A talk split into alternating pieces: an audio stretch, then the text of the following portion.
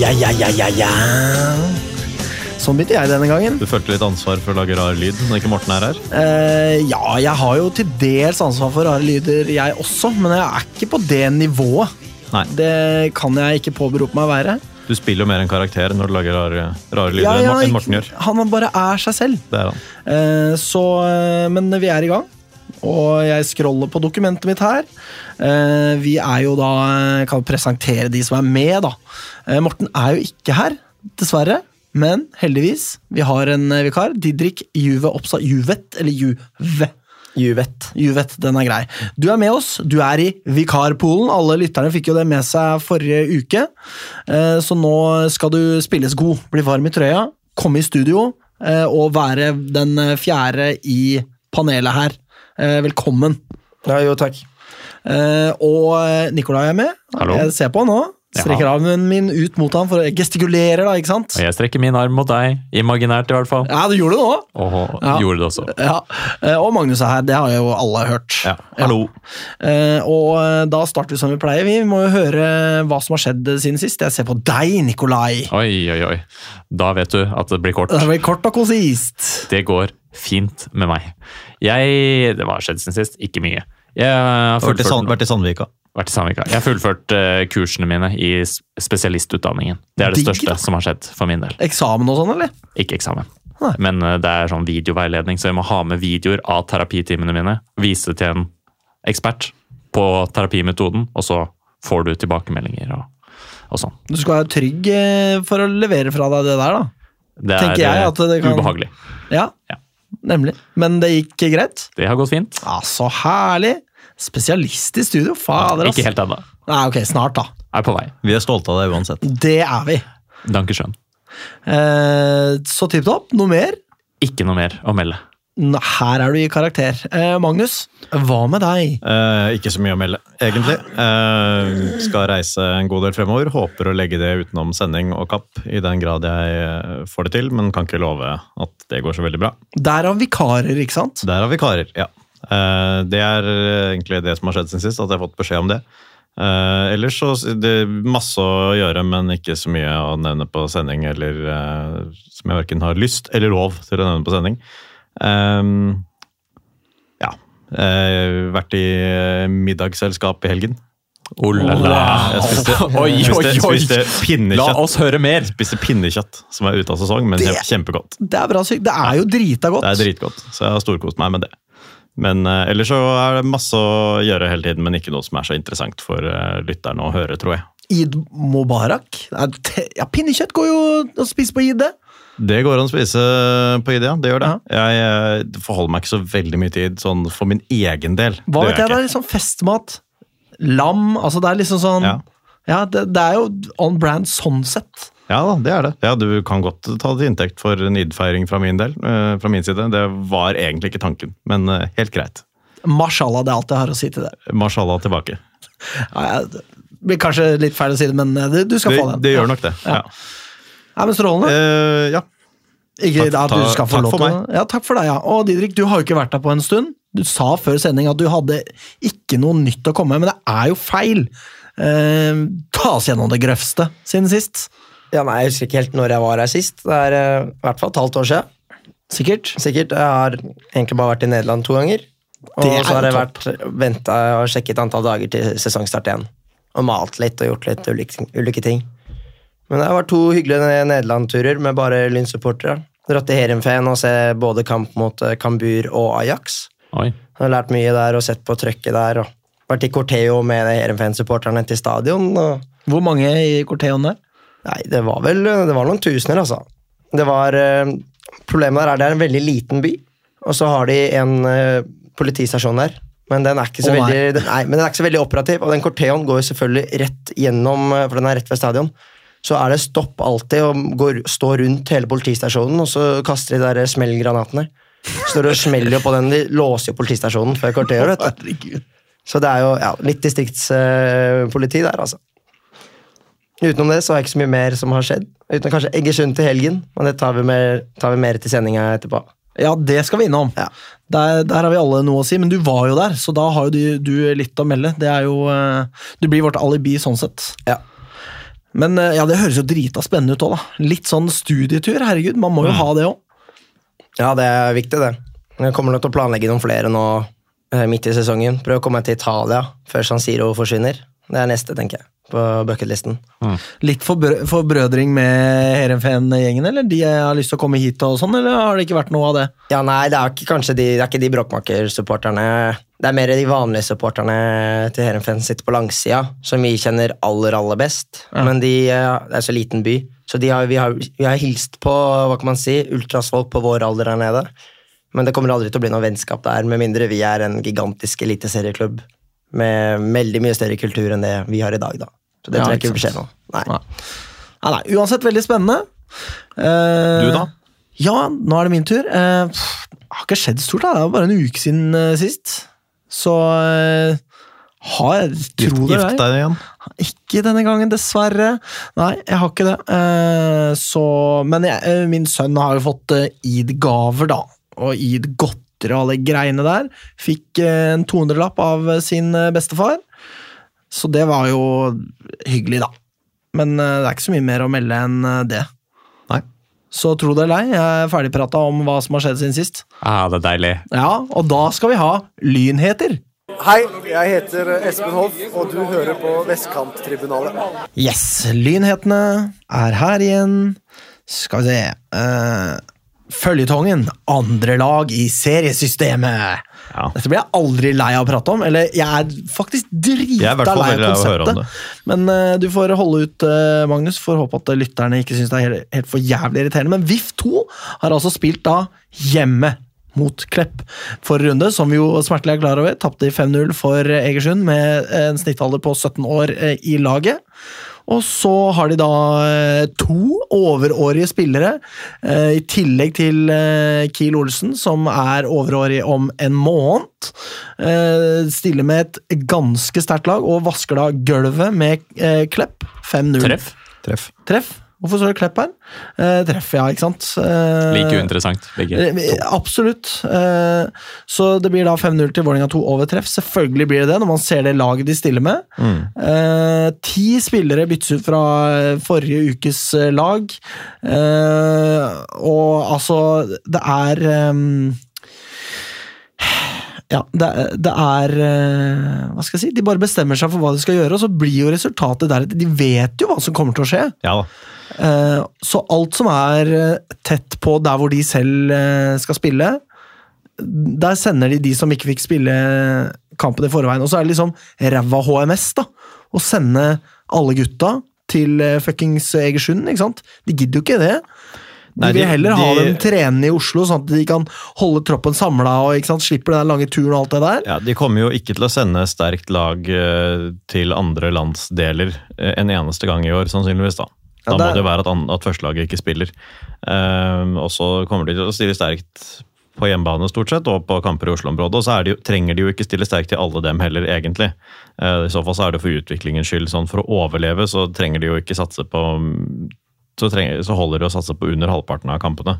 Så det er jo noen kamper på Østlandet også hvor de ikke kommer til å stille så sterkt, sannsynligvis.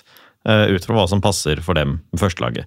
Og så er det jo eh, viktig da å understreke at selv om jeg selvfølgelig blir automatisk litt mer irritert når det er Vålerenga enn når det er andre klubber, så er det jo bare veldig godt eksempel på at dette systemet, denne ordningen, ikke fungerer. Det er jo det dette her handler om, tross alt. da. Ja, Det kommer ikke til å være noe annerledes for eh, oss hvis laget altså når, når Lyn 2 skal opp fra fjerde til tredje divisjon. Selvfølgelig kommer jeg til å ønske meg det. Ja. Og det er fordi at det er ekstremt gunstig for Lyn. Akkurat som at Vålerenga går åpent ut og sier ja, dette er helt Ja. bevisst. Det er ikke sånn det er noe Vi skjønner jo hva vi gjør.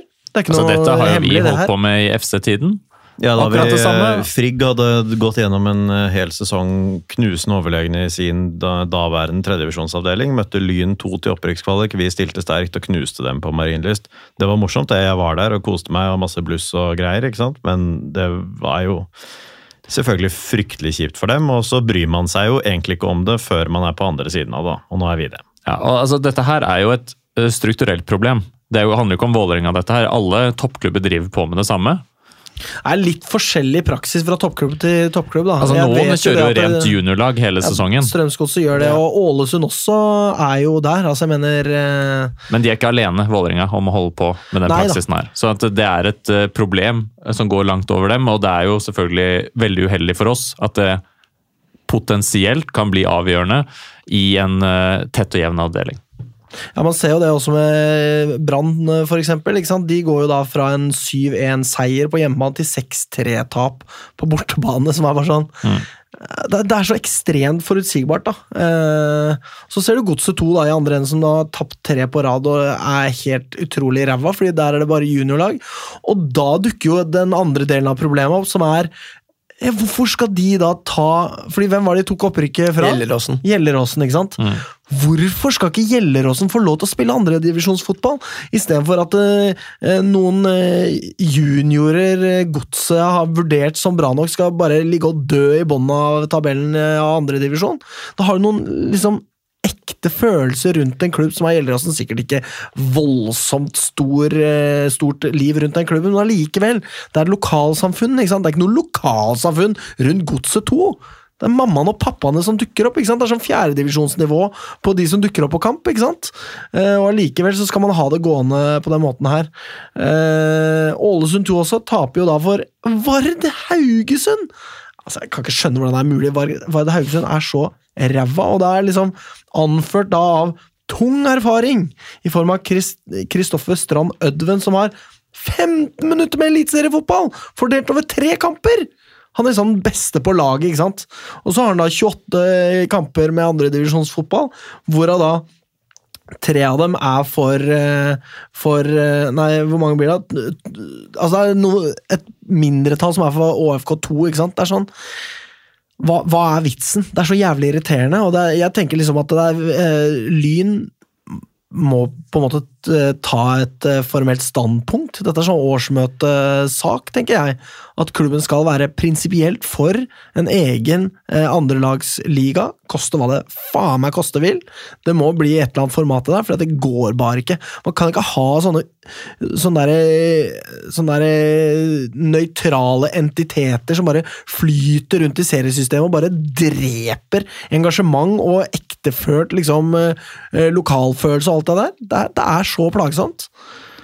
Det er jo rart at ikke forbundet selv ser på dette som et problem. De er jo fryktelig fryktelig nøye på del på, på detaljer på en del eh, områder, og dette her er virkelig sånn eh, gapende hull, da, sånn rettferdighetsmessig, sånn sportslig sett, på et forholdsvis høyt nivå, og på et nivå som eh, Fotballforbundet, eller Fotballtinget, da, eh, har besluttet at liksom skal skjerpes skal spisses, skal være sterkere og sterkere, skal være mer og mer profesjonelt, fordi det er viktig. Dette her er en, en eh, Fra dette nivået rykker det lag opp og spiller mot eh, det som året før var eliteserielag.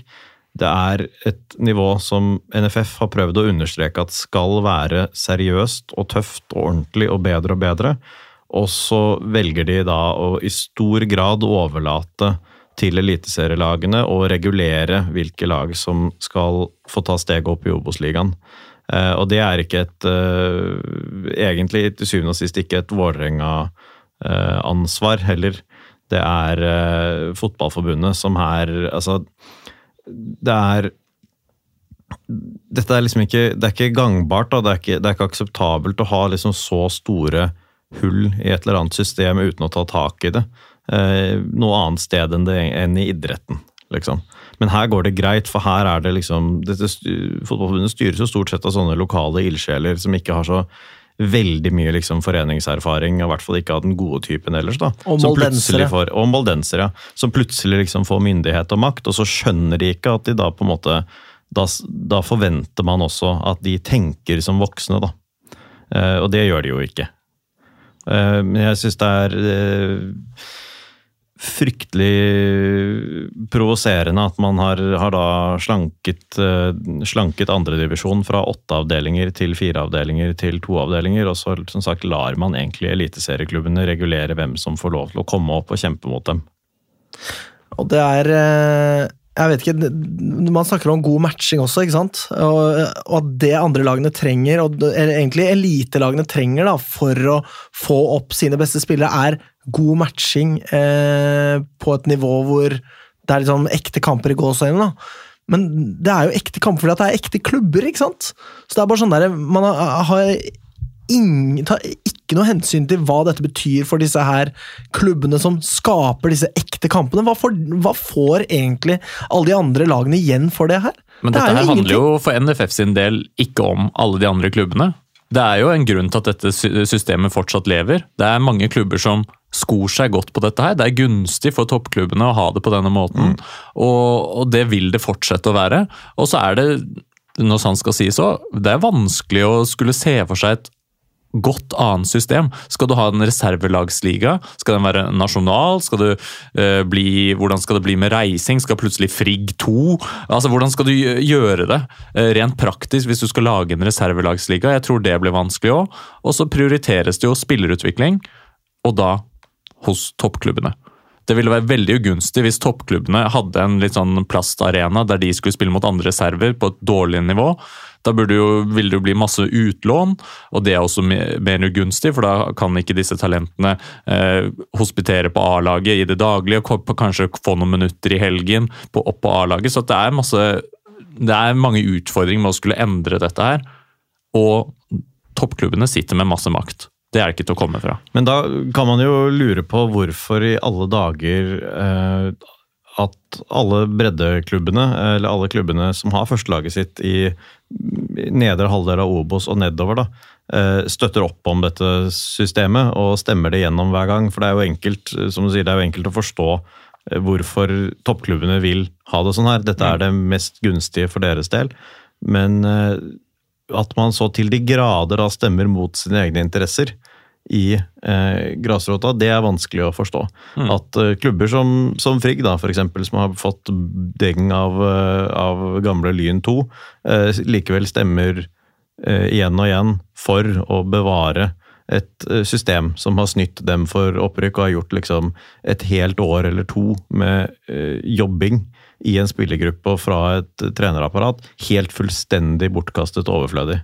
Men jeg tenker liksom, eh, Siste jeg sier om dette her nå, så tror jeg vi skal gå videre. Men jeg tenker at eh, dette må uansett opp og frem på tinget, og så får man stemme over det. Og så kan man håne og hetse de som stemmer for, og lobbe for at de skal eventuelt eh, endre mening, da. Eh, og eh, ja, så får vi se hvordan det går. Men da vet vi i det minste hvor landet ligger. Så nok om det. Eh, vi skal tilbake til Lyna. Altså, dette blir en følge- Bare gled Ja. til neste sending, så fortsetter vi å snakke om det her. Men eh, Lyn har da signert eh, Eskil Bråten Fredriksen fra eh, jævla Vålerenga 2. Ja. Eh, Men han kom på amatørkontrakt ifølge fotball.no, så det er jo lav risiko for Lyn her, da. Eh, Og så er det jo spennende å se hvordan, eh, hvor mye tid han får for A-laget. Han er jo liksom midtbanespiller. Overraska meg litt, trodde han skulle være stopper. egentlig. Ja, han har vel spilt begge deler, men når Lyn velger overskriften 'ny midtbanespiller', så er det jo ingen tvil om hva man planlegger å bruke ham som. Og Han ble jo også bare spurt om hva han var, og da sa han, beskrev han seg som en midtbanespiller og med egentlig litt mer sånn ja, altså anker, eller til og med litt mer sånn offensive kvaliteter. Egentlig var det han trakk frem. Mm. Det var jo pasningsfoten. Eh, han var god med begge bein, liksom. Som, som man selv trakk frem. Så, så dette er jo helt tydelig at dette er en sånn Bydal-utfordrer slash backup da, i første, om, første, første rekke. Men for å gjøre forvirringen komplett, så han var jo i troppen mot Egersund. Fikk ikke spilletid eh, på midtbanen fordi Schneider skulle komme inn der, som jo er midtstopper, eh, har de sagt, eh, dyrt og hellig eh, lyn. Så det er ja, spennende å se hvordan han passer inn i puslespillet der, må jeg si. Mm. Eh, Det er forståelig at, at en som kjenner laget og hvordan vi spiller, får komme inn kontra en spiller som nettopp har ankommet. Og, ja, ja, klart så det. Klart det. Den er for så vidt grei. når det trengs også. Når det er en kamp som vipper, da. Som det jo var her. Det leder vi 4-0, så gir man jo nye sjanser til. Så hadde, I Larvik så hadde jo sannsynligvis Fredriksen kommet inn i stedet. I den situasjonen, vil jeg tenke. Antageligvis. Eh, Men eh, han sier også at Jakob Hanstad har bidratt til at han har signert for Lyd. Ja, såpass, ja. Ja, han sa det. Eh, Så da får Bor de ikke sammen? Jo, Det gjør det visst. Ja, ja, stemmer det. Mm. Så da får vi takke Hanstad for det, da. Ja, takk, Jakob. Ja. Opprinnelig fra Harestua, var han. Så han er jo ikke Vålerenga-gutt om man går langt tilbake. Det kan man jo være på Harestua, for så vidt. da. Vi har jo Ja, ja. sett uh, folk i Vålerenga-drakt stå i kø. Vi oppover Hadeland og Toten, og vi har kjørt til Gjøvik før. Opptil flere ganger. På vei inn til Oslo for kamp. Hei til deg, Kåre Olerud. Altså ikke Vålerenga-fan, men Harestua. Ja, ikke sant. Eh, så vi får håpe at det blir eh, bra uttelling der, da. Eh, Det er uansett en fin bredde i stallen. Sant? Vi er styrker oss på den måten. Men det hadde ikke vært noe med midtstopper inn. Tenker kanskje at jeg helst hadde ønska meg det, da. Men uh, ja, ja. Glenn har said his piece, så det får være greit. Uh, vi tar neste lynhet. Uh, Anna Aahjem og Emilie Kloss på rundens lag i toppserien. Det er jo gøy, da. Det var jo en uh, fantastisk kamp der mot uh, Arna Arna Bjørnar. Bjørnar. Yes. Uh, spesielt der. Kan du ta litt fun facts, da? Eller fun facts, altså facts om Anna Åhjem sin Lyn-karriere. Hun har jo da 19 mål på sine fem sesonger for Lyn. På da 64 kamper, så her har det tatt seg veldig opp, da. Skåringsfrekvensen, det må sies. Mm. Så hun er da på skuddhold av Camilla Lindberg med 24 mål. Hun tar vel igjen Lindberg denne sesongen, her, det tror jeg. Og kanskje enda viktigere, Runa Lillegård på 25 mål. Må bare komme seg forbi hun der, ass. Eh, og så er det da Kloss som da er spilleren med hvis vi går ut fra lynhistorie.coms oversikt, som jeg jo kjenner så altfor godt til, Ja. så er hun da spilleren med nest flest registrerte kamper for Lyn, med 118. Så hun er up there. Maren Thoresen har da 133. Hun har jævlig mange flere. Og Det samme kan man jo sikkert si om June Østensen, da. Men eh, sånn er det når man spiller for Lyn under eller i andredivisjon og under. Da får du ikke telt kampene dine, fordi det er umulig å finne tilbake. Hilsen en som har fuckings prøvd. Så eh, grattis gratulerer jentene. med rundens lag. Yes, det er veldig imponerende og kjempekult å se en lynjenter inn der. Endelig, altså. Eh, Det er jeg happy med. Eh, Det var mitt. Eh, Magnus, du vet jeg, jeg vet at Jeg du kan har nevne juniorlaget juniorlag og annet lag. Det Jeg begynner med det nå. Ja, Juniorlaget har sesongåpnet med å ryke ut av NM med 1-2 for Bærum etter ekstraomganger. Neppe det man håpet på, men jeg er jo ikke det at det betyr så veldig mye, da. Det der er NM, NM G19 Telenor Cup. Eh, første seriekamp borte mot Kongsvinger førstkommende torsdag. Det blir bra. Andre Andrelaget har åpnet med to tap. Først 2-4 for Fagerborg, og så 2-3 for Gryner. Eh, skulle egentlig møte Heming hjemme i dag. Den ble utsatt. Vet ikke hvorfor. Det er vel ikke utenkelig at det kan ha noe med været å gjøre. Få gjette på det. Dette er da det. for øvrig Vi spiller inn på en dag hvor det har snødd noe så fuckings jævlig! Herregud! Åssen går det med matta på Bislett? Håper den ikke er død. Enig i det. Eh, men eh, ja, vi får prøve å sørge da, for å ikke ha noe altfor mye på etterskudd med andrelaget. Det er for all del greit for meg om vi er, spiller litt safe i den perioden hvor førstelaget møter såpass mange gode lag i PostNord. Men eh, jeg håper at man tar et eh, lite magedrag eh, før sommeren, så vi ikke havner i en skvis på høsten. da, Hvor vi virkelig må hente poeng. For vi kan, vi kan jo ikke, når vi har mål om å gå opp til Obos eh, neste år, egentlig, da, så kan vi ikke begynne å surre med et annet lag nede i femte divisjon. Det går ikke an. Nei, det går ikke. Det Så skal Topp eh, andrelag i noen kamper og stille elendig i andre. Der er vi i gang. Her, her er vi i gang. Ja. Det var det. Er det noen andre som har noe? Didrik, du har kanskje noe sånn der TIFO eh, Et eller annet noe greie? Jeg håper det, kanskje? Eh, Vi satser jo på å få til en TIFO på en hjemmekamp nå, muligens før sommerferien. Avhengig av hvor mye midler vi klarer å samle sammen, og hvor flinke vi klarer til å få, si, få med flere folk. For jeg har tenkt å leie en gymsal. Mm. Jeg har tenkt å lage noe på hvert fall eh, rundt 20 meter. Altså 20 ganger 20, da. Men da trenger jeg litt mer enn eh, fire folk til å løpe rundt om som rapptusser i en gymsal. Og hvis folk har lyst til å være med og bidra, hva gjør de da? Uh, enten sender oss en melding på å kunne bidra til å male, eller vippse et uh, Vipps-nummer som jeg ikke har i hodet. Åh, Søk kan det ikke opp. noen Ja. hoste opp det her nå, da? Så kan du fortelle enda litt mer om uh, dette her, Didrik. Ja, nei, jeg kan uh, si det du snakket om uh, siden det snør i dag. Den matta på Bislett, de har faktisk lagt ut en sånn hvit sånn vekstmatte Oi, på gresset der. Så det var en sånn plastduk Ja, over gresset nå sist jeg var innom Bislett. Det er godt. Så vi håper på at den kanskje kan Jeg vet ikke hvor mye den hjelper mot snø.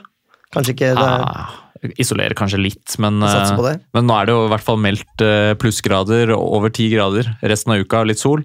Sånn at eh, vi satser på at Bislett blir fra og med onsdag, da. Får fint vær og litt sol og kan vokse seg så god som mulig.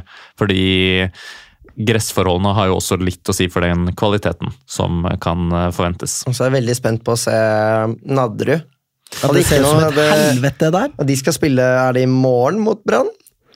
Ja, de spiller i cupen, ja. Ja, ja, ja. Jeg hvor mange 3200 billetter eller noe sånt. Wow! Men mye av det er bra nå, tenker jeg, eller er det bare Stabæk-supportere? jeg vet ikke. Jeg tror det er totalt over, har de solgt 4000 eller noe Ja. sånt. Ja. er kanskje 4002, ja. Det er ganske dårlig, egentlig, syns jeg. Til eliteserie å være, altså, ærlig talt. Ja, her meldes det. Eh, fant vi no nummeret til Bastion Tifo, eller? Uh, altså, nå har jo ikke jeg fått uh, sjekket det på noe annet vis enn bare å google Bastion Tifo Vips. Men da kom det opp treff med en gang, i hvert fall. På nummer 737 459.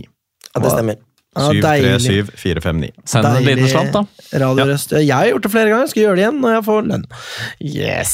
Eh, da tror jeg vi skal gå videre jeg, til er damelagsspalten.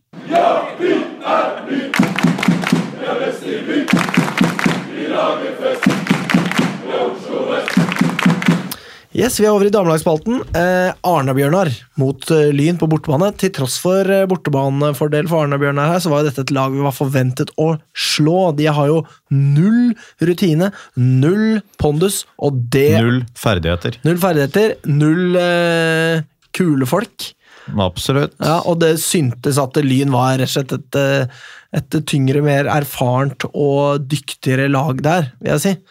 Det kan du virkelig si. Altså, det her var uh, oste klasseforskjell. Uh, Lyn var et klart bedre lag, og det var så synlig i alle spillets faser, og dette her kunne endt mye mer til Lyn.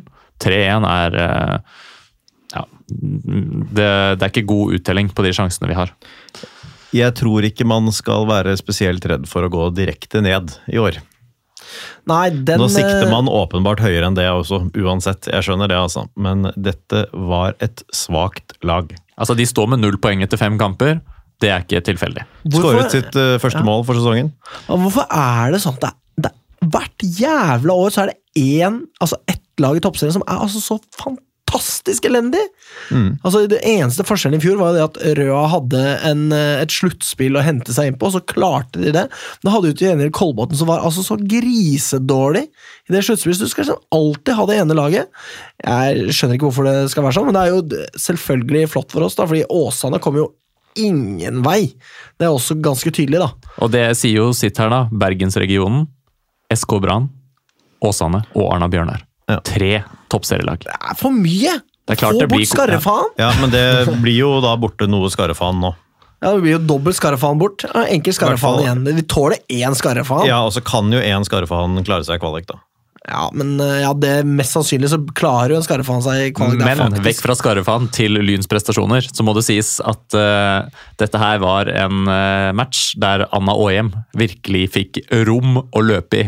Ja, fy faen. Altså, det ene målet jeg, Vi må innom alle, alle målene, for det er gode prestasjoner ved alle målene, men la oss ta det deiligste fra Anna først. da. Fy faen, ass! Det er, fordi det er, det er vel et angrep uh, som Arna Bjørnar har der, og så klareres ballen av uh, Kristin Holmen. Mm. Og da er da Anna Aahjem mot to uh, Arna-Bjørnar-forsvarere der. Skubber én unna, altså lett som en lek. Så kommer jo en tredje til og prøver å hjelpe til den ene som er igjen. Så er løpsduell da med Anna mot denne ene resterende Arna-Bjørnar-spilleren fra den første duellen. Bare drar fra henne, altså så lett stikker fra henne. Blir riktignok skjøvet eh, litt ut på høyre side av 16-meteren her. Bare kline ballen i høyre stang og inn i mål. Det er, altså, det er så power mål. Det er så utrolig deilig å se på. Det må nesten bli rundens mål. Jeg sier jo det uten å ha sett noen andre mål fra ja, Hanna Dahl hadde faktisk et frispark der, men allikevel er knallskåring altså, fra Anna igjen der. Ja, Det er en eh, supersolid prestasjon, og eh, også ikke verdens mest imponerende forsvarsspill, skal sies. Det er det ikke. Der i et øyeblikk det er tre mot én, og Anna Aahjem seiler igjennom. Og det er godt gjort av henne, og så er det ikke så godt Det var- av forsvar. Det var et par forsøk på å angripe posisjonen Anna Aahjem hadde innehatt noen sekunder tidligere. Det var det som var av forsøk på å stoppe henne. Mm. Men veldig, en veldig god avslutning. Fantastisk god avslutning. Og det er jo noe med det der òg. Å spurte en banehalvdel. La oss være ærlige, det, er jo det det er. Eh, Å kline den så ettertrykkelig i mål med den presisjonen her, det er drita imponerende, altså. Og da er det 2-1. Ja, da er det 2-1. Men eh, før det så er det jo eh, eh, Josefine Birkelund Jeg holder på å si Benedicte Birkelund hver gang, fordi det er eh, en lynlegende. Det må vi rett og slett si. Men Josefine Birkelund eh, står i boksen, eh, ballen Altså er corner. Hun klarer å få den krøllete ruggen sin på ballen og setter den lengste. Og altså, jeg mener Sånn hadde jeg sett ut hvis jeg hadde skåra mitt første mål for Lyns A-lag. Altså, Hun ser helt vantro ut!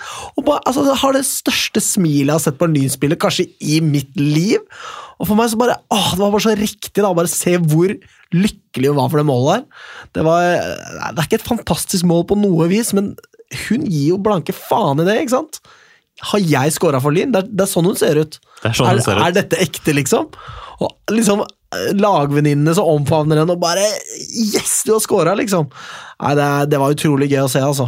Helt enig. Og det er jo noe med å komme inn igjen i laget, ikke sant. Hun har fått spille først bytta inn, og så fått starte. Og så får du den scoringen der. Og det er jo Du kan si at det ikke er verdens vakreste mål, men hun kjemper seg til plassen på corner. Det er ballen slås inn fra Juli, vel. Ja. Og så er det en fight inn i boksen der på fem, fem meter. Det er masse spillere. Hun rager høyest, er sterkest, ballen går i mål. Det er, det er en god prestasjon. Er fantastisk, og da leder Lyn 1-0, men eh, det skal komme et mål eh, motsatt vei på en av Arne-Bjørnars eh, to sjanser i denne kampen. Begge forært av Lyn, og det er jo da selvfølgelig, og dessverre, Josefine Birkelund som spiller da en pasning eh, bakover eh, mot eh, Trine Skjelstad Jensen. Jeg tenkte først at her er det Trine som ikke følger med, men det var nok en ganske grov feilpasning, egentlig, altså, av Josefine her, tror jeg. Det er nok eh, riktignok en god kombo mellom de to, som ikke helt klarer å få til, uh, få til den situasjonen der, og da er Arna Bjørnar gjennom på blank goal omtrent. Altså, det er jo en keeper i veien, da, men uh, Ja, da, det er en kald og rolig avslutning, og det er, det er et tabbemål av oss. og Heldigvis koster det lite, fordi vi var såpass dominante. Jeg tror også jentene kjente i den matchen her at vi er bedre, vi kommer til å komme tilbake igjen. Vi produserer massevis av sjanser. Eh, dette tar vi selv om du får en litt sånn i fleisen. Men eh, vi holdt jo på, skulle si, å si, få en eh, annen et annet tabbemål også.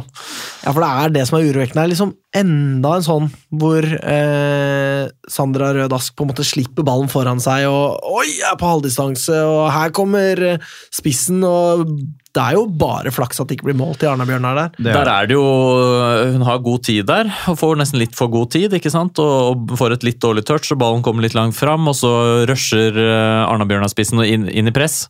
Og så skal vel hun klarere, og så går ballen i Arna-Bjørnar-spilleren. Sånn at ballen spretter tilbake mot mål, og så vidt Så vidt utenfor stolpen, ja. ja, så det, det er marginalt. Og, men jeg tror selv om den hadde gått i mål, det, denne matchen hadde vi vunnet, vunnet uansett. For dette her var klasseforskjell. Ja, det var det virkelig. Uh, og eh, Men altså, er det en bekymring at Lyn på en måte har vedvarende keepertabbe, liksom? Jeg, jeg må si at jeg bekymrer meg litt over det. Ja, og dette straffer seg jo. ja. Dette utgjør noen poeng i løpet av et år hvis det fortsetter med den hyppigheten det har vært nå. Det set- gjør det dessverre. Det setter seg jo på en måte potensielt nerver da, i eh, forsvaret og samspill mellom forsvar og keeper der, og hvordan skal man forholde seg til hverandre. og Da, da kan man på en måte stille altså Lyn er jo kjempegode på å gi sjansen til eh, unge, fremadstormende spillere. Og så kan man spørre om tida var riktig da, for Sandra. Jeg, jeg hater jo å si det, for jeg, jeg har ikke lyst til å henge henne ut på noe vis. Og Hun har vært god på mange ting, men akkurat i sesongstarten så er det noen ting som på en måte ikke er veldig betryggende å se, da. Nei, Og dette her regner jeg bare med, at nå har vi fått noen sånne episoder. Det vet hun kjempegodt selv, Ja, at dette her er ikke bra. Og jeg tror ganske så sikkert at det lukes kjapt vekk. Nå, nå har vi sett noen sånne eksempler, Og da, da finner, finner man også en måte å agere på som ikke innebærer så høy risiko. Så det er, det er helt unødvendig å bruke så lang tid. Dette er lett å gjøre noe med. Kommer gjøre, hun kommer til å vokse på det. Kommer til å bli en bedre spiller av det. Jeg er trygg på at eh, hun står støtt tilbake og er en bedre spiller. Ja da, Det handler jo bare om å, om å luke bort eh, tabber som på ingen måte handler om nivået hennes. Det handler jo bare om Det er jo slurv, Det er slurv, egentlig. Ja, og det, det- kan, man, og det ja. kan man også luke bort. Det handler kanskje litt om selvtillit òg, og det er der man på en måte får et problem. At hvis man sliter med selvtilliten og tenker, ah, overtenker alt og dette er vanskelig, dette er vanskelig, så, så dukker sånne feil opp. da. Så, øh, men altså Jake Knight, if you're listening, fix the problem! Er ikke han, kan keepertreneren. Jeg måtte ta det på engelsk, sånn at han skjønte det. vet du. Så tok jeg hadde jeg litt twang der òg. Må til. Mm. Men der, til ja. Lyns siste mål i matchen, 3-1-skåringen. Fantastisk den òg. Og det er jo usual suspects her, altså faen heller! Jeg syns jo det er gøy å se at det liksom eh, Du har Camilla Melgaard på høyre ving, som er jo nådeløs når hun kommer eh, ansikt mot ansikt med en forsvarsspiller. Drar dem av den ene veien og den andre veien. Så har du Kloss på den motsatte side, som ikke har det samme liksom, finterepertoaret og den, eh, liksom, den driven fremover da, som Camilla Melgaard har. Men her er det faen meg Det, det har skjedd flere ganger denne sesongen at Kloss allikevel, ute på sin kant, drar av flere spillere og kommer seg til utrolig farlige posisjoner på sin venstrekant. Her er det jo, Hun skaper jo dette målet selv. Det er jo nesten sånn at hun skulle fått eh, skikkelig uttelling for det, fordi at hun drar av én og to spillere der. Det er jo et flott Spiller- eh, kombinasjonsspill i forkant der. Fantastisk! At Spille ut 45 til Janne Åhjem, som har verdens enkleste jobb å bare brese i den i mål, og 3-1 til inn, liksom. Det er jo bare Åh, deilig å se på, altså. Selvfølgelig er det Anna! Fire mål på fire matcher. Mm. Er. Strålende. Og snuser, men, men den innleggsfinta til Kloss, den har vi jo Vi så det mot eh, Brann hjemme også. Det funker som bare det. Fire mål på fem matcher blir det vel. Det er fem matcher. Ja. Men uansett, kjempegodt spill, godt kombinasjonsspill, og det er jo deilig eh, for eh, jentene her nå å få den prestasjonen innabords etter noen litt magrere forestillinger. Ganske riktig. Og eh, til neste runde da er det til Trondheim og til poengdeponiet i Rosenborg, vet du. Der er det bare å gå og hente. I, få inn poengene. Bare putte dem i posen og dra hjem igjen. Sånn var det i fjor, i hvert fall. Eh, Camilla Melgaard med fantastisk scoring! Vet ikke om dere husker den? Jo. Nydelig skår. Det, altså det spillet i forkant, da. Klikk, klakk, klikk, klakk hele veien. Vi må mimre litt eh, over det målet der, altså. Ja, det start, starter jo fra Kirvil, og er innom altså sikkert samtlige Lynspillere før Camilla Melgaard slippes løs ikke sant, på sin høyre ving. Bare poler den over keeper. Det er så nydelig mål! Lyn vinner 1-0, tre poeng. Det er det som kommer til å skje denne gangen også. Vi får se. Det er jo, Rosenborg har litt press på seg. De har jo vært eh, tippa helt, helt, helt i topp. Og eh, de har ikke hatt denne beste sesongstarten. Tapte nå sist mot Lillestrøm. Ser jo eh, ikke overbevisende ut, så vi har får se. ikke vunnet resten, da. Jo da, de har, eh, de har vunnet resten, så de er ett poeng bak Vålerenga. De har vunnet, men uh, hvordan de har vunnet, er jo en annen sak også. Sånn at uh, det, er, det er ikke imponerende å vinne 1-0 mot Arna Bjørnar. Det er det ikke. Sånn, Så at uh, de har vunnet, og de har vunnet 1-0 mot Røa. Det, det Ja. Vi, vi får se, men eh, som sagt, som du har nevnt, det er en mulighet for poeng her. Vi har gjort det før, og i år er det en ny, god mulighet. Da tror jeg vi skal tippe resultat, ja, altså. Så skal vi gå videre til å snakke om eh, herrenes eh, lag. Eh, Nikolai, hva tenker du? Lyn mot Rosenborg på bortebane? Jeg tror det blir tøft. Jeg tror de kommer til å dominere, men at ender 1-1. Oi! Ja. Didrik, hva tenker du? Jeg vil kanskje si eh, 0-1, da. Seier. Det er borte nå, ja. Stemmer. Da blir det 0-1, ja. Og Lyn tar det. Friskt. Jeg må rett og slett speile den der. Altså. Det er jo et, en knalltøff motstander. Vi må se på forskjellen i budsjett her. Vi vet at det her er det noen som virkelig er en av de store. Har juksa seg til eh, sin status der, da. Eh, gamle Trondheim-Søren. Så eh, det blir tøft. Men det blir 1-0 til Lyn. Altså 0-1, da. Alt ettersom. Ja. Magnus, hva tenker du? Jeg sitter på samme side av bordet som Nikolai og sier også det samme som ham. 1-1. Oi! Oi, oi, oi. Nå er det hat over bordet her. Jeg føler ikke så mye på hat. Nei, det er ikke hat. Jeg hater ingen her. Uh, Du hater andre, da. Du snakker mye om folk du hater, du. Ja, Spesielt i dag har jeg gjort det, for det har vært så snøvær og sånn. Starta dagen eh, det var det ABBA på smartboarden på jobb. Da. Hater ABBA. Nok om det. Vi Nok ønsker det. jentene lykke til. Det gjør vi, og så skal vi snakke om herrelaget.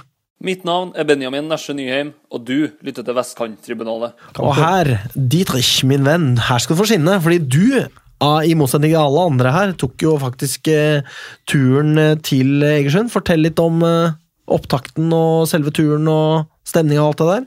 Ja, nei, det var en veldig hyggelig tur, til tross av resultat og noe annet jeg skal komme inn på senere, med vaktene i Egersund. Men vi kan starte med at bussen begynner å trille av gårde seks om morgenen. Og så er det litt kaos på morgenkvisten her, med litt hvor folk skal bli plukket opp på veien, og litt kaos, men vi kommer oss av gårde. Og så er det veldig god stemning ned eh, på bussen. Spesielt kudos til de som var altså, ute på byen lørdagen legger seg klokka tre, opp klokka fem og kommer seg til bussen klokka seks. Det det var, det var i hvert fall tre-fire personer på den bussen som hadde gjort det. Og det, de holdt overraskende bra liv til å ha gjort det, altså, det må jeg si. Så på veien, da, eller? Ja, noen. Det var litt av og på. Det var er veldig rar vel fortjent å sove litt da. Oh yes! Ja, vi var litt slemme, noen av de, med gaffateiper, de som sovner i setet der. Og, og på, så det var god stemning underveis hele, hele tida der, altså. Er det Gucci-buss, så er det Gucci-buss. Alltid. Men eh, vi, kommer av, vi er vel i Egersund sentrum rundt klokka to, og så er det Kampstart er klokka tre, og vi er midt i byen ca. en kilometer fra stadion på en Jeg husker ikke hva puben heter, beklager til det stedet, men det var i hvert fall veldig hyggelig betjening der. God øl, gode priser, så kudos til de for det. Og så Hva koster en øl i Egersund? Eh, det, Jeg kjøpte to øl, og det var eh, 150 kroner. Og det var grei pris. Det, var Ja, ganske det er jo ikke så verst. og det var ganske frisk øl også, så den var eh, Men vi hadde veldig dårlig tid, for det tar litt tid å komme seg dit. Så skulle vi være der litt før eh, Kanskje se litt av oppvarmingen òg. Så det var å bånde to pils, og så det vi var uvitende om, var at det var rett opp til den stadion. Så det var én kilometer eh, damefallet rett opp Eh, Det var bare oppoverbakke, så det, vi var andpustne hele gjengen når vi kom til stadion. Og da sto Bjørn og venta på oss med noen gratis billetter og en gang, for det var det ikke. Selv om Så slagordet 'Opp til Husabø', eller hva de har for noe, det stemmer. Ja, det var, eh, det var slitsomt. Og så kom vi på stadion der. Der står det de har hyra inn eh, det lokale vekterfirmaet i Egersund. Samurai-sikkerhet? Nei, faktisk ikke. Ja, jo, ja, Jeg tar det referansen. er, ja, jeg tar, nå tok litt tid, men ja, det er, var ikke langt unna. Det var ikke helt der, altså. Men det var altså NWC som sto der eh, på hver sin side av feltet med litt sånn attitude. De var helt sikkert helt vanlige folk og sto der og smilte til oss og sånt. Og står der, skikkelig vektere skal være der.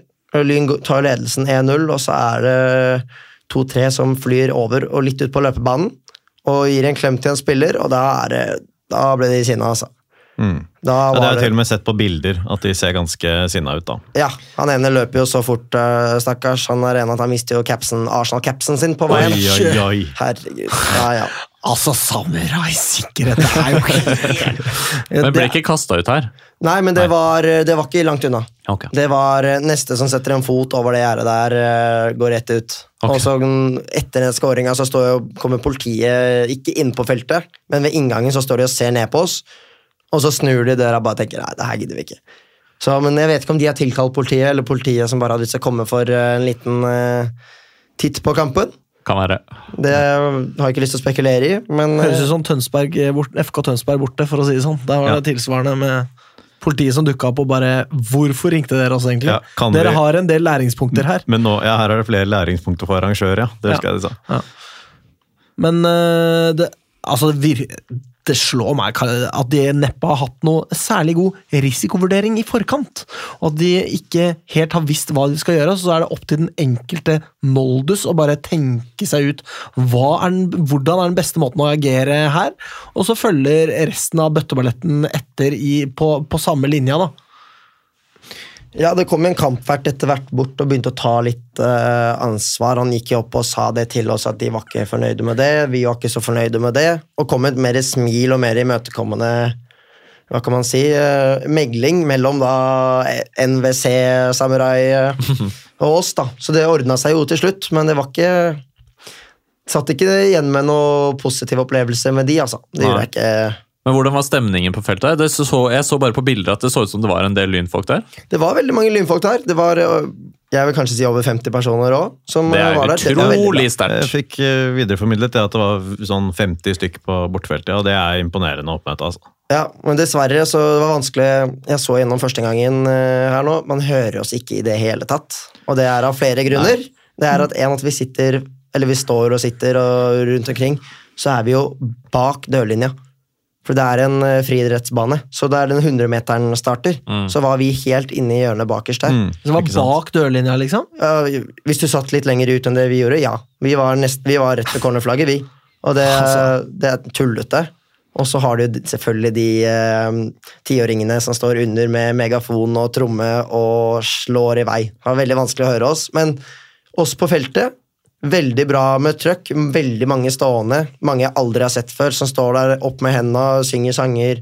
Som har vært um, bra med tilreisende fra både Kristiansand og Stavanger. altså. Kult. Jeg hørte jo på, hørte på streamen at, at når man vet hva man hører etter, kjenner lynsangene, så var det liksom ut, særlig utover annen omgang og hjemmefansen ikke altså hadde måttet gå og legge seg, f.eks., så hørte man, hørte man jo litt. Men jeg skjønte at det var en ufordelaktig plassering av mikrofon og kamera. og sånn der. Så var jo også kameraføringen for oss som satt hjemme, veldig litt sånn eh, ujevn. Kvalmende. si. Kvalmende, ja. Det var veldig lett å bli en sånn lett vugging. Lett vugging, ja. Du skal ha indre øre på stell for ikke å kjenne den der, ja. ja. ja. ja.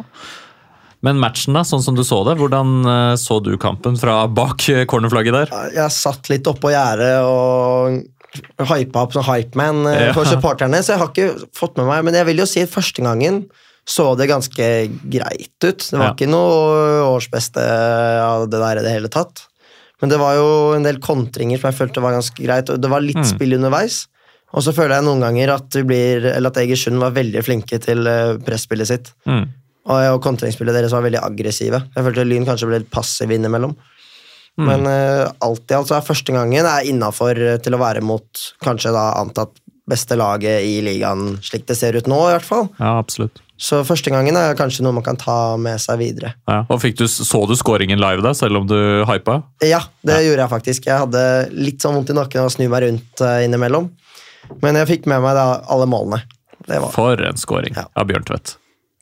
Ja, det er, jo, det er jo en god lagprestasjon også. Det er Det er, det er jo Bydal som vinner ballen høyt i banen, får den videre til eh, Solberg Nilsen, som spiller en ganske genial ball. Altså, det, ok, den havner litt langt ute, da. Og det er det som på en måte, Da jeg så det opp igjen, så tenkte jeg ah, dette her ser liksom Det ser litt vanskelig ut fra den posisjonen her, men Anders Bjørn- Bjørntvedt Thorsen bryr seg jo faen ikke fletta. Han eh, smeller jo det nærmeste. Kanskje ræva av keeperen, men det spiller jo ingen rolle. Fy faen. Altså, i stua hjemme hos meg der var det en toåring som ble noe skremt, og syntes at dette var litt ubehagelig at pappa buldra så sinnssykt. Men uh, han tok det med fatning, og senere, det må jeg bare si, senere i kampen så sa han til meg jeg har sånn, sa han til meg. Hva mener du nå? Er, tenker du på skjerfet? Vil du ha sånn skjerf? Nei, nei, nei. Er, er det bøttehatten? Jeg så ut som et jævla juletre fordi liksom jeg skulle ganne Lyn til seier. da, ikke sant? Da var det bøttehatten. Nei, nei. Mener du sånn drakt? Det vil han ha. Ja. Så min to år gamle sønn er nå ute etter lyndrakt, så det- Bjørn, få det inn i shoppen. Det trengs. Produser. Bare å få det ut. Ja. Nei, Men men, uh, fortell om stemninga etter målet, da. Da var det jo, Vi har vært inne på det der, Ja, det folk var ute på løpebanen osv. Ja, det var flere, i hvert fall to. En med brudd i ankel også over banen der. I helsike. Så det var, så det var jo eh, Det var tøft, det. altså. Ute på banen der, gi en klem til spillerne. Kudos til alle spillerne, spesielt Bjørntvedt Olsen, når du ser etter at han scorer. Selvtilliten for det første når han banker til der. Men han ser at den ballen går i mål, og så bare tar han Og så sprinter han av gårde rett bort Ja, til bortefeltet altså. og står Og og, er feirer med oss. Istedenfor å stå nede i hjørnet mot sånn tomt hjørne ut og mot sjøen der. Og, vikt, og viktigheten av det der øker jo også med antall kilometer fra, fra Bislett. Ja. Så det er veldig viktig. Men så at han da tar og løper istedenfor å løpe ned til cornerflagget og stå og danse med det alene der det ikke er noen supporter, bare kommer rett bort til oss der, det er jo en boost for uh, Hele laget var liksom på vei, og det er bare Ja, det er et samhold mellom uh, både klubb og supportere, alle, som det- er veldig bra. Og det er jo veldig, det er veldig bra at de gjør det, og at de tenker på en måte også på det at det er, man har reist jævlig langt og setter pris på det. Og så er det jo også at det er jævlig gøy for dem også. da. Altså, De har lyst til å feire med supporterne nå, for det er så jævlig mye mer liv og så jævlig fett og så jævlig gøy, og man er så jævlig medvind. Så, Han, altså, han er Den fyren der, han vokser på meg eh, dag for dag, altså, det må jeg si. Han er virkelig Altså Det du sier der, Didrik, det har mye å si, da. Og så er det også hvordan han presterer. Hva var det du sa i løpet av kampen her, Nicolai? Er det Bjørn Tvedt Olsen vi skal selge for penger, da? Var det ikke Nei, noe sånt du meldte? Og det må jeg bare si, ja, all, i alt alvor, det er ikke utenkelig. Fordi folk må begynne å få øynene opp for han. Please, ikke få øynene opp for han eh, der. Han. Men han er jo helt sublim! Han er helt fantastisk for Lyn. Og det, altså jeg mener, Man kan jo spørre seg, da. Fordi det, Lyn leder jo 1-0 til pause. Det er eh, helt eh, sinnssykt eh, gøy og imponerende, og alle er altså så himla gode i gassen. Så skjer, skjer det noe i andre omgang eh, der. Eh, Lyn mister kanskje noe av momentum, og en del altså Det spiller kanskje inn at Anders Bjørntvedt Olsen byttes ut eh, og ikke spiller mer enn den første omgangen. Fordi da og kommer har jo da en, en kjenning i lysken. Det er det det- der, ja. ja. ja det er, det også er jeg. bekymringsverdig. Ja, det er det. Inderlig at det ikke er noe større sak, at man bare tok all verdens høyde og tok ham ut med en gang. Håper inderlig at ikke han er ute nå, altså. Og Halvorsen sa det jo selv, det gjør noe med toppresset vårt når han går ut. Det gjør Ja, det er akkurat det. Fordi jeg, jeg tenker jo det at eh, eh, man får på eh, Henrik Elvevold, og det er ikke hans posisjon. Ikke det heller. Liksom. Eh, det, det skaper flere ulemper. At ja, toppresset, som du sier, forsvinner. Eh, han eh, eh, mestrer ikke den posisjonen eh, i nærheten av like bra som, eh, som Bjørn Tvedt Olsen. Eh, da har vi ikke den X-faktoren å bytte inn på midtbanen der senere, som betyr det at midtbanen det, det, den forblir den samme kampen gjennom. Selvfølgelig får vi på Schneider der eh, mot slutten, helt mot slutten, men, men akkurat der føler jeg at det liksom Lyn blir på en måte for krøkkete, da. At det skjer noe med Lyn. At vi, vi klarer liksom ikke å holde oppe den kvaliteten vi har hatt tidligere i kampen. Og det kan du ikke gjøre i kamper som det der. Altså, jeg mener Selvfølgelig var vi tvunget til det, så vi måtte gjøre det. Men, men det er her på en måte det begynner å spille inn sånn øh, Om troppen er i god nok forfatning til å liksom kunne stå løpet. Altså, hva, hva vet jeg, da? Vi, vi har en del skader. Og eh, når disse brikkene på en måte Når man må bruke alternative brikker og flytte rundt på ting for å få ting til å funke, så, så blir det løsninger som kanskje ikke nødvendigvis er gode nok. da.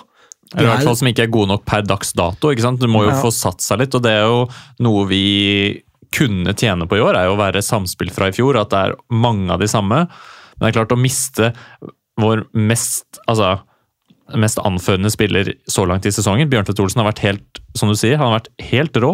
Og den reisen han har hatt fra Bent Inge og Årdal hjemme, og misser på det ene og det andre, til nå, det er helt enormt Og det tredje og det fjerde. Og, ja, altså Det er helt enormt å se han nå. Og det er klart, når han må ut, så er det en kjempesvekkelse. Det ville være, være det for ethvert lag i vår avdeling å miste en sånn spiller. Og, og så har vi jo Ibba ute. Tava ute. Det er klart at vi Det er store tap som gjør noe med laget, som gjør noe med eh, hvem som også kan komme inn eh, når eh, det nå må byttes. Og da, så blir det da spillere som ikke har fått spilt seg så varme i trøya ennå, og som det kanskje vil ta litt tid før det, det sitter helt. For det var jo i hvert fall, synes jeg, satt med en følelse i andre omgang at her får vi det ikke Vi får det ikke til å sitte fremover. Eh, og det, det var noe uforløst i andre omgang, og jeg følte at det satt mer og mer en følelse av at nå de spiser seg inn i kampen, Egersund. Og dette her ser veldig veldig stygt ut, også før målene kom. Ja, og Det at vi ble, ble litt mer tannløse offensivt, gjorde jo også at Egersund kunne kaste litt mer fremover og kunne spille seg til flere sjanser. Altså I første omgang også så de jo, gikk de jo ut ganske bra, men det ble veldig lite muligheter av det. Og så kloret Lyn seg tilbake og var jo også klart best en periode. Og klarte liksom bare å i løpet av første omgang spille seg fra å være litt dårligere til å være litt bedre. Eh, og Det får man ikke til i andre omgang, og Egersund begynner også å produsere sjanser, fordi de kan ta den én spiller til eh, inn i Altså angripe med én spiller mer, da, rett og slett. Fordi det er litt mindre truende bakover. Så um, de tar, eh, tar tydelig kontroll på, på kampen. Alex Pedersen er solid. Vi blir ikke utspilt, men det er jo ikke ufortjent at de får en scoring til slutt, da. Det er ikke Ja, ufortjent, men det er jo måten det kommer på som er ja. frustrerende. Både for alle spillerne, men også for de som har tatt turen ned, og alle som ser på. Den kjennes det ut som at kunne vært unngått. Den skåringen der. ikke sant? Når Pedersen har det utspillet som han misser litt på, og så kommer Randers og rydder opp. Og så, få- så er det påfølgende frisparket, og så er det glipp i markeringen og, og scoring. Ja, for det var jo Pustet jo veldig lettet ut da Egersund fikk det frisparket. Fordi Ja, vi da. nettopp hadde gått klar av eh, en eh, kjempetabbe. Eh, og så så vi jo f.eks. da mot Kjelsås forrige gang at hvis du bare rir av presset lenge nok, så, så går de tomme etter hvert. Og jeg fikk jo litt følelsen at Egersund kanskje gikk mot det. da, At hvis vi hadde klart å stå i det presset noen minutter til, så kunne det hende vi hadde kommet unna med det. Det må jeg si i løpet av den kampen her, Påfallende hvor mange dårlige klareringer som kom fra Alex Pedersen. altså. Ja, det var et eller annet der, en skolisse som lå litt feil, tror jeg. Altså et eller annet som ikke var helt som det skulle her. Og det er jo, altså I det målet til Egersund så altså, men det, Han er jo langt ute og klarerer altså, direkte til en uh, Egersund-spill. Da tenkte jeg jo da at eh, Og det er jo derfor uh, Randers agerer som han gjør. ikke sant? At han se, uh, ser at her jeg må bare ta ned han fyren her. Fordi, fordi her er det jo bare å skyte rett i mål, potensielt. For han Ja. ser alle, at Alex Pedersen er langt ute unna der han skal være. Og da er det jo selvfølgelig enerverende at uh, målet kommer akkurat på det frisparket der. Det er også vondt å se at det er Rander som glipper i markeringa, og en Egersund-spiller som kan heade den i mål forholdsvis umarkert. da. Det er eh, ganske bittert, eh, må jeg si. Altså Det er et bra slått frispark for all del, det er jo en, fin prestasjon av Egersund, det er ikke det, men, men det er noe med ikke sant? Den ballen kan klareres rett ut i innkast, klink ut, og så løpe tilbake i mål. Og så er den situasjonen helt annerledes. Så det er klart, Den kjennes jo litt bitter ut. Eh, også når vi Kampen snur jo veldig etter det her òg. Vinden snur i kampen. og og så får vi det, vi får et kjør mot oss, og vi, vi, vi har lite å komme med. Vi hadde vel én mulighet der ved er det Hylen som toucher det inn til keeper, liksom, som kanskje kunne blitt noe mer, men ellers veldig tynt da, framover for, for vår del. Men altså, eh, hvis vi kan gå over til å snakke litt om hvordan vi tenker eh, om eh, Hva tenker vi om Lyn nå, da? Nå har vi eh, to seire på rad og et eh, tap mot en toppkandidat. Eh, det er jo ingen grunn til å miste hodet nå. Nei, altså vi, vi, på tabellmessig så gir vi jo Egersund da et, et forsprang, og så lar vi Kjelsås og Arendal komme a jour. Grorud to poeng bak, altså disse som vi har vært mest redd for. Men per nå så ligger vi på kvalikplassen. Laget foran oss har vi vist at vi kan hamle opp med selv på deres hjemmebane. Det er ingen lag eh, vi har møtt som ser ut til å sportslig være eh, noe særlig sterkere enn oss. Det er vi har ingen- vi møtt har to av de beste. Ingen de beste. som er overlegne Nei, mot oss det. Arendal, det Arendal har levert, er eh, ikke noe fryktinngytende. De har eh, levert langt dårligere enn oss mot Kjelsås. De leverte også dårligere enn oss mot Fram. Um, vi, henter vi tre poeng mot enten Grorud eller Arendal, og uavgjort mot den andre, så er vi foran skjema, altså. Absolutt, eh, og det er jo eh, Jeg må også si det at det, vi, eh, dette, det, dette kan både være positivt og negativt, men dette er jo et lynlag som aldri har tapt sammen før. Disse Nei. gutta har ikke tapt en fotballkamp før, så det er interessant å se hvordan de tar det, men det er jo ikke Altså, det er på en måte Dette er et annet lag enn det laget vi så tape for Lyn sist. Det er liksom ikke ja, psoriasis og slatters-gjengen som må i gruppeterapi og bowling og pizza, og sesongen egentlig er ferdig, på en måte. Nei, det og- det som skjedde sist, som var et tap, og så kunne man bare skrive av sesongen, liksom. Sånn er det ikke nå. Dette er robuste karer eh, som har vært ute en vinternatt før. De har tapt på Mange av dem har tapt på høyere nivå enn dette. De er også Jan Halvor Halvorsen, eh, el professore, geniet Mm. i ryggen, som vet hva dette er for noe. han, er ikke, han lar seg ikke vippe av pinnen av det her. Så jeg, jeg tenker bare det at det, det laget her har potensial til å slå, altså slå så grusomt tilbake mot et Grorud-lag som er mye mindre imponerende enn Arendal. Ja, så mye mindre! si, altså hvis du, eh, hvis du er sjuk nok i huet da, til å se en kamp, eh, tredjevisjonskamp i opptak, og så ser du den opp mot denne kampen her, så ser du jo at Arendal holder et så uendelig mye høyere nivå enn det vi møtte i serien i fjor. Altså Man ser den forskjellen så veldig, veldig tydelig, og vi er helt med sportslig likevel. Eh, kampen sett under ett. Så Lyn er, og Lyn også er et vesentlig bedre lag enn vi var for ett år siden. Tross alt, da var vi mer dominerende i tredjedivisjon enn vi er i andredivisjon nå. Men Lyn er et betraktelig bedre lag, og Lyns fremgang har fortsatt ikke stoppet, altså. Jeg tror vi blir bedre og bedre. Jeg tror fortsatt vi har mer og mer å hente.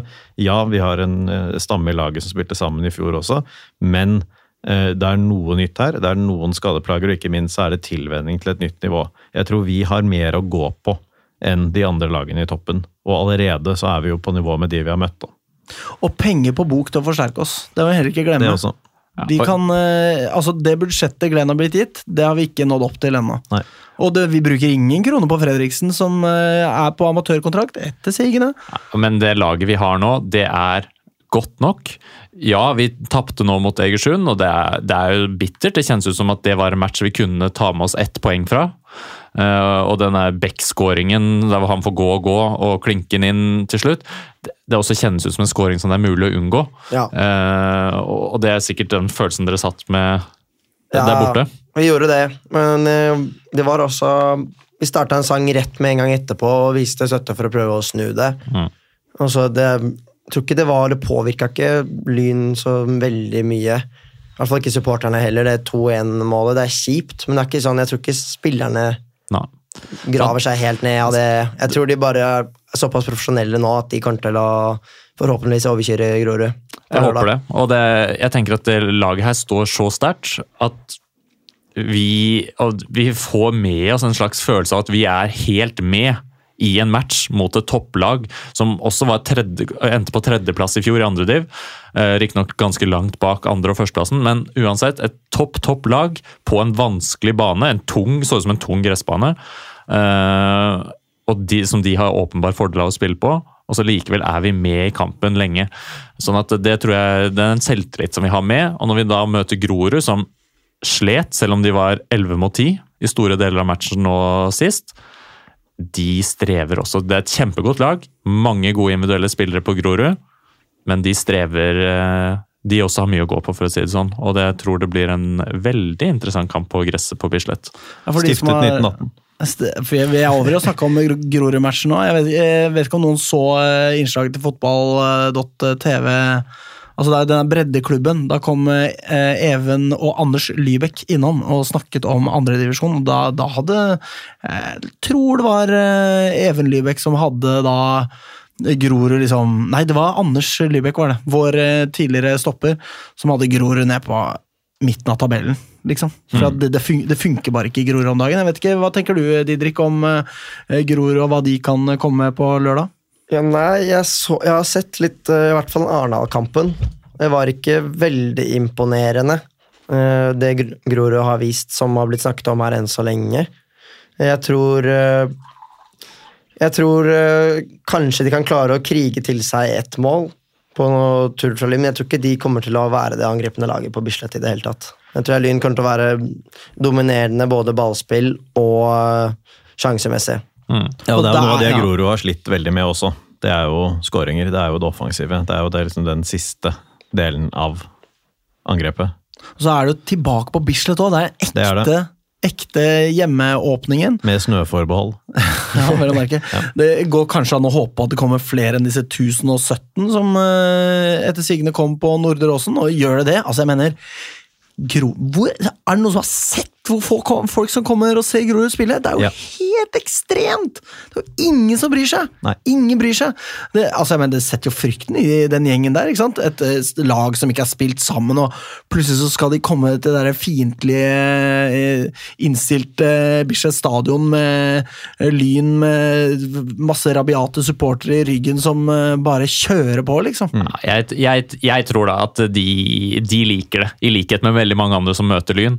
Vokser litt også på å møte oss, selv om de kanskje syns det er fryktinngytende. Men det er også kult. Tenk deg å spille ned i bredden, og så møter du et lag med ordentlig support. Der du spiller på en ordentlig stadion, ikke noe sånn Arctic match med sånn fiskegarn bak mål. Altså, Det er noe ordentlig med å spille på Bislett. Det er kult for de Grorud-spillerne også, selv om mange av de har vært i Obos i fjor. Det er en opplevelse. Det er klart at de også hever seg i møte med Lyn, men jeg tror òg at gressmatten er til vår fordel. De har mange teknikere der borte. Gresset på Bislett det er aldri verden helt eh, plettfritt. Det er eh, Vi spiller en litt mer direkte fotball enn det de gjør. Det er fordel oss. Gleder meg. Vi er flinkere til å krige òg. Faen, vi kriger, ass! Det er mer power i det laget vi har nå, det er det ingen tvil om. Og så er det jo Har jo Grorud virkelig levert temmelig middels, da. Det er jo, Ja, det, de det, er jo det. det viktigste, Ja, de av alt her er jo at de har slitt. altså 0-0 mot et rekordsvakt uh, Ålesund 2 og en sliteseier mot uh, teamet hans Brattvåg, vel. Og spilt ja, ut av Arendal. så- Spilt ut av Arendal. Det var ikke så stygt tap, men ble jo spilt ut i den kampen. Så dette her er uh, Vi var jo ikke så happy med altså Vi ville jo helst ikke ha noe nedrykkslag i avdelingen. Vi fikk Grorud og tenkte dette her, det er Grorud og Arendal det står om. Grorud Det er ingenting annet enn deres nedrykk fra Obos-ligaen i fjor som foreløpig tilsier at de skal utfordre om opprykket. Men de har jo selvfølgelig gode spillere. eh, De har jo en trener vi kjenner til. De har ressurser til å kunne kjempe om å gå opp igjen. Det er ikke helt tilfeldig at de har vært oppe, men foreløpig denne sesongen så er det veldig lite Obos over dem. Vi skal tippe resultatet. Fy faen, jeg gleder meg. ass. Eh, Kjerring og unge skal være med. Det blir så bra. Jeg gleder meg så sinnssykt. Didrik, du er vår deilig, deilige, deilige vikar. Du skal få æren av å gjette først. Ja, jeg skyter løs 4-1. jeg. Oi, oi, oi! Jeg må eh, trenge betenkningstid når folk sier sånn. Magnus, du skal få lov. Jeg skulle si 4-1. Nei, Jo, det, hold det er jo troverdig at jeg skulle si 4-1. Selvfølgelig er det ja. Så jeg, og jeg holder meg til 4-1. Og jeg tror faktisk ikke det er umulig. Jeg tror det ender 2-1 til Lyn. To en til. Jeg måtte, altså, Anders Bjørntvedt Thorsen han er tilbake. Han skårer jo selvfølgelig. Så det er jo ett mål. Grorud Hårflott. Eh, ja, ikke sant? Han må jo melde seg på, det er sant. Ja. Ja, 2-0 der. Eh, Grorud de kommer til å slite mot et godt organisert Lyn, så blir det null. Eh, så vi har de to gålene. Eh, og så, ja, så skal jo selvfølgelig Henrik Elvold inn i miksen der i det 65. minutt. Inn og spille, Vinne ha. X-faktor mot et mørna Grorud som ikke aner hva som har truffet dem. Ingen eh, supportere til å dytte, skyve dem i ryggen. Det blir 3-0 Lang til vei til Lyn. resultattipping her. Ja. Ja, så blir det 3-0 til Lyn. Det er mitt, eh, min kvalifiserte gjetning. Eh, og da er vi ved veis ende, folkens. Kom dere på Eh, Bislett. Kom dere på dere på. Det blir så gøy, det! Jeg gleder meg så sinnssykt. Uh, og da sier vi som vi pleier å si. Spør ikke hva Lyn kan gjøre for deg, spør heller hva du kan gjøre for Lyn. Takk for nå. Kom igjen, Lyn, kom igjen, Lyn, kom igjen, Lyn, kom igjen, Lyn, kom igjen, Lyn! Moderne media.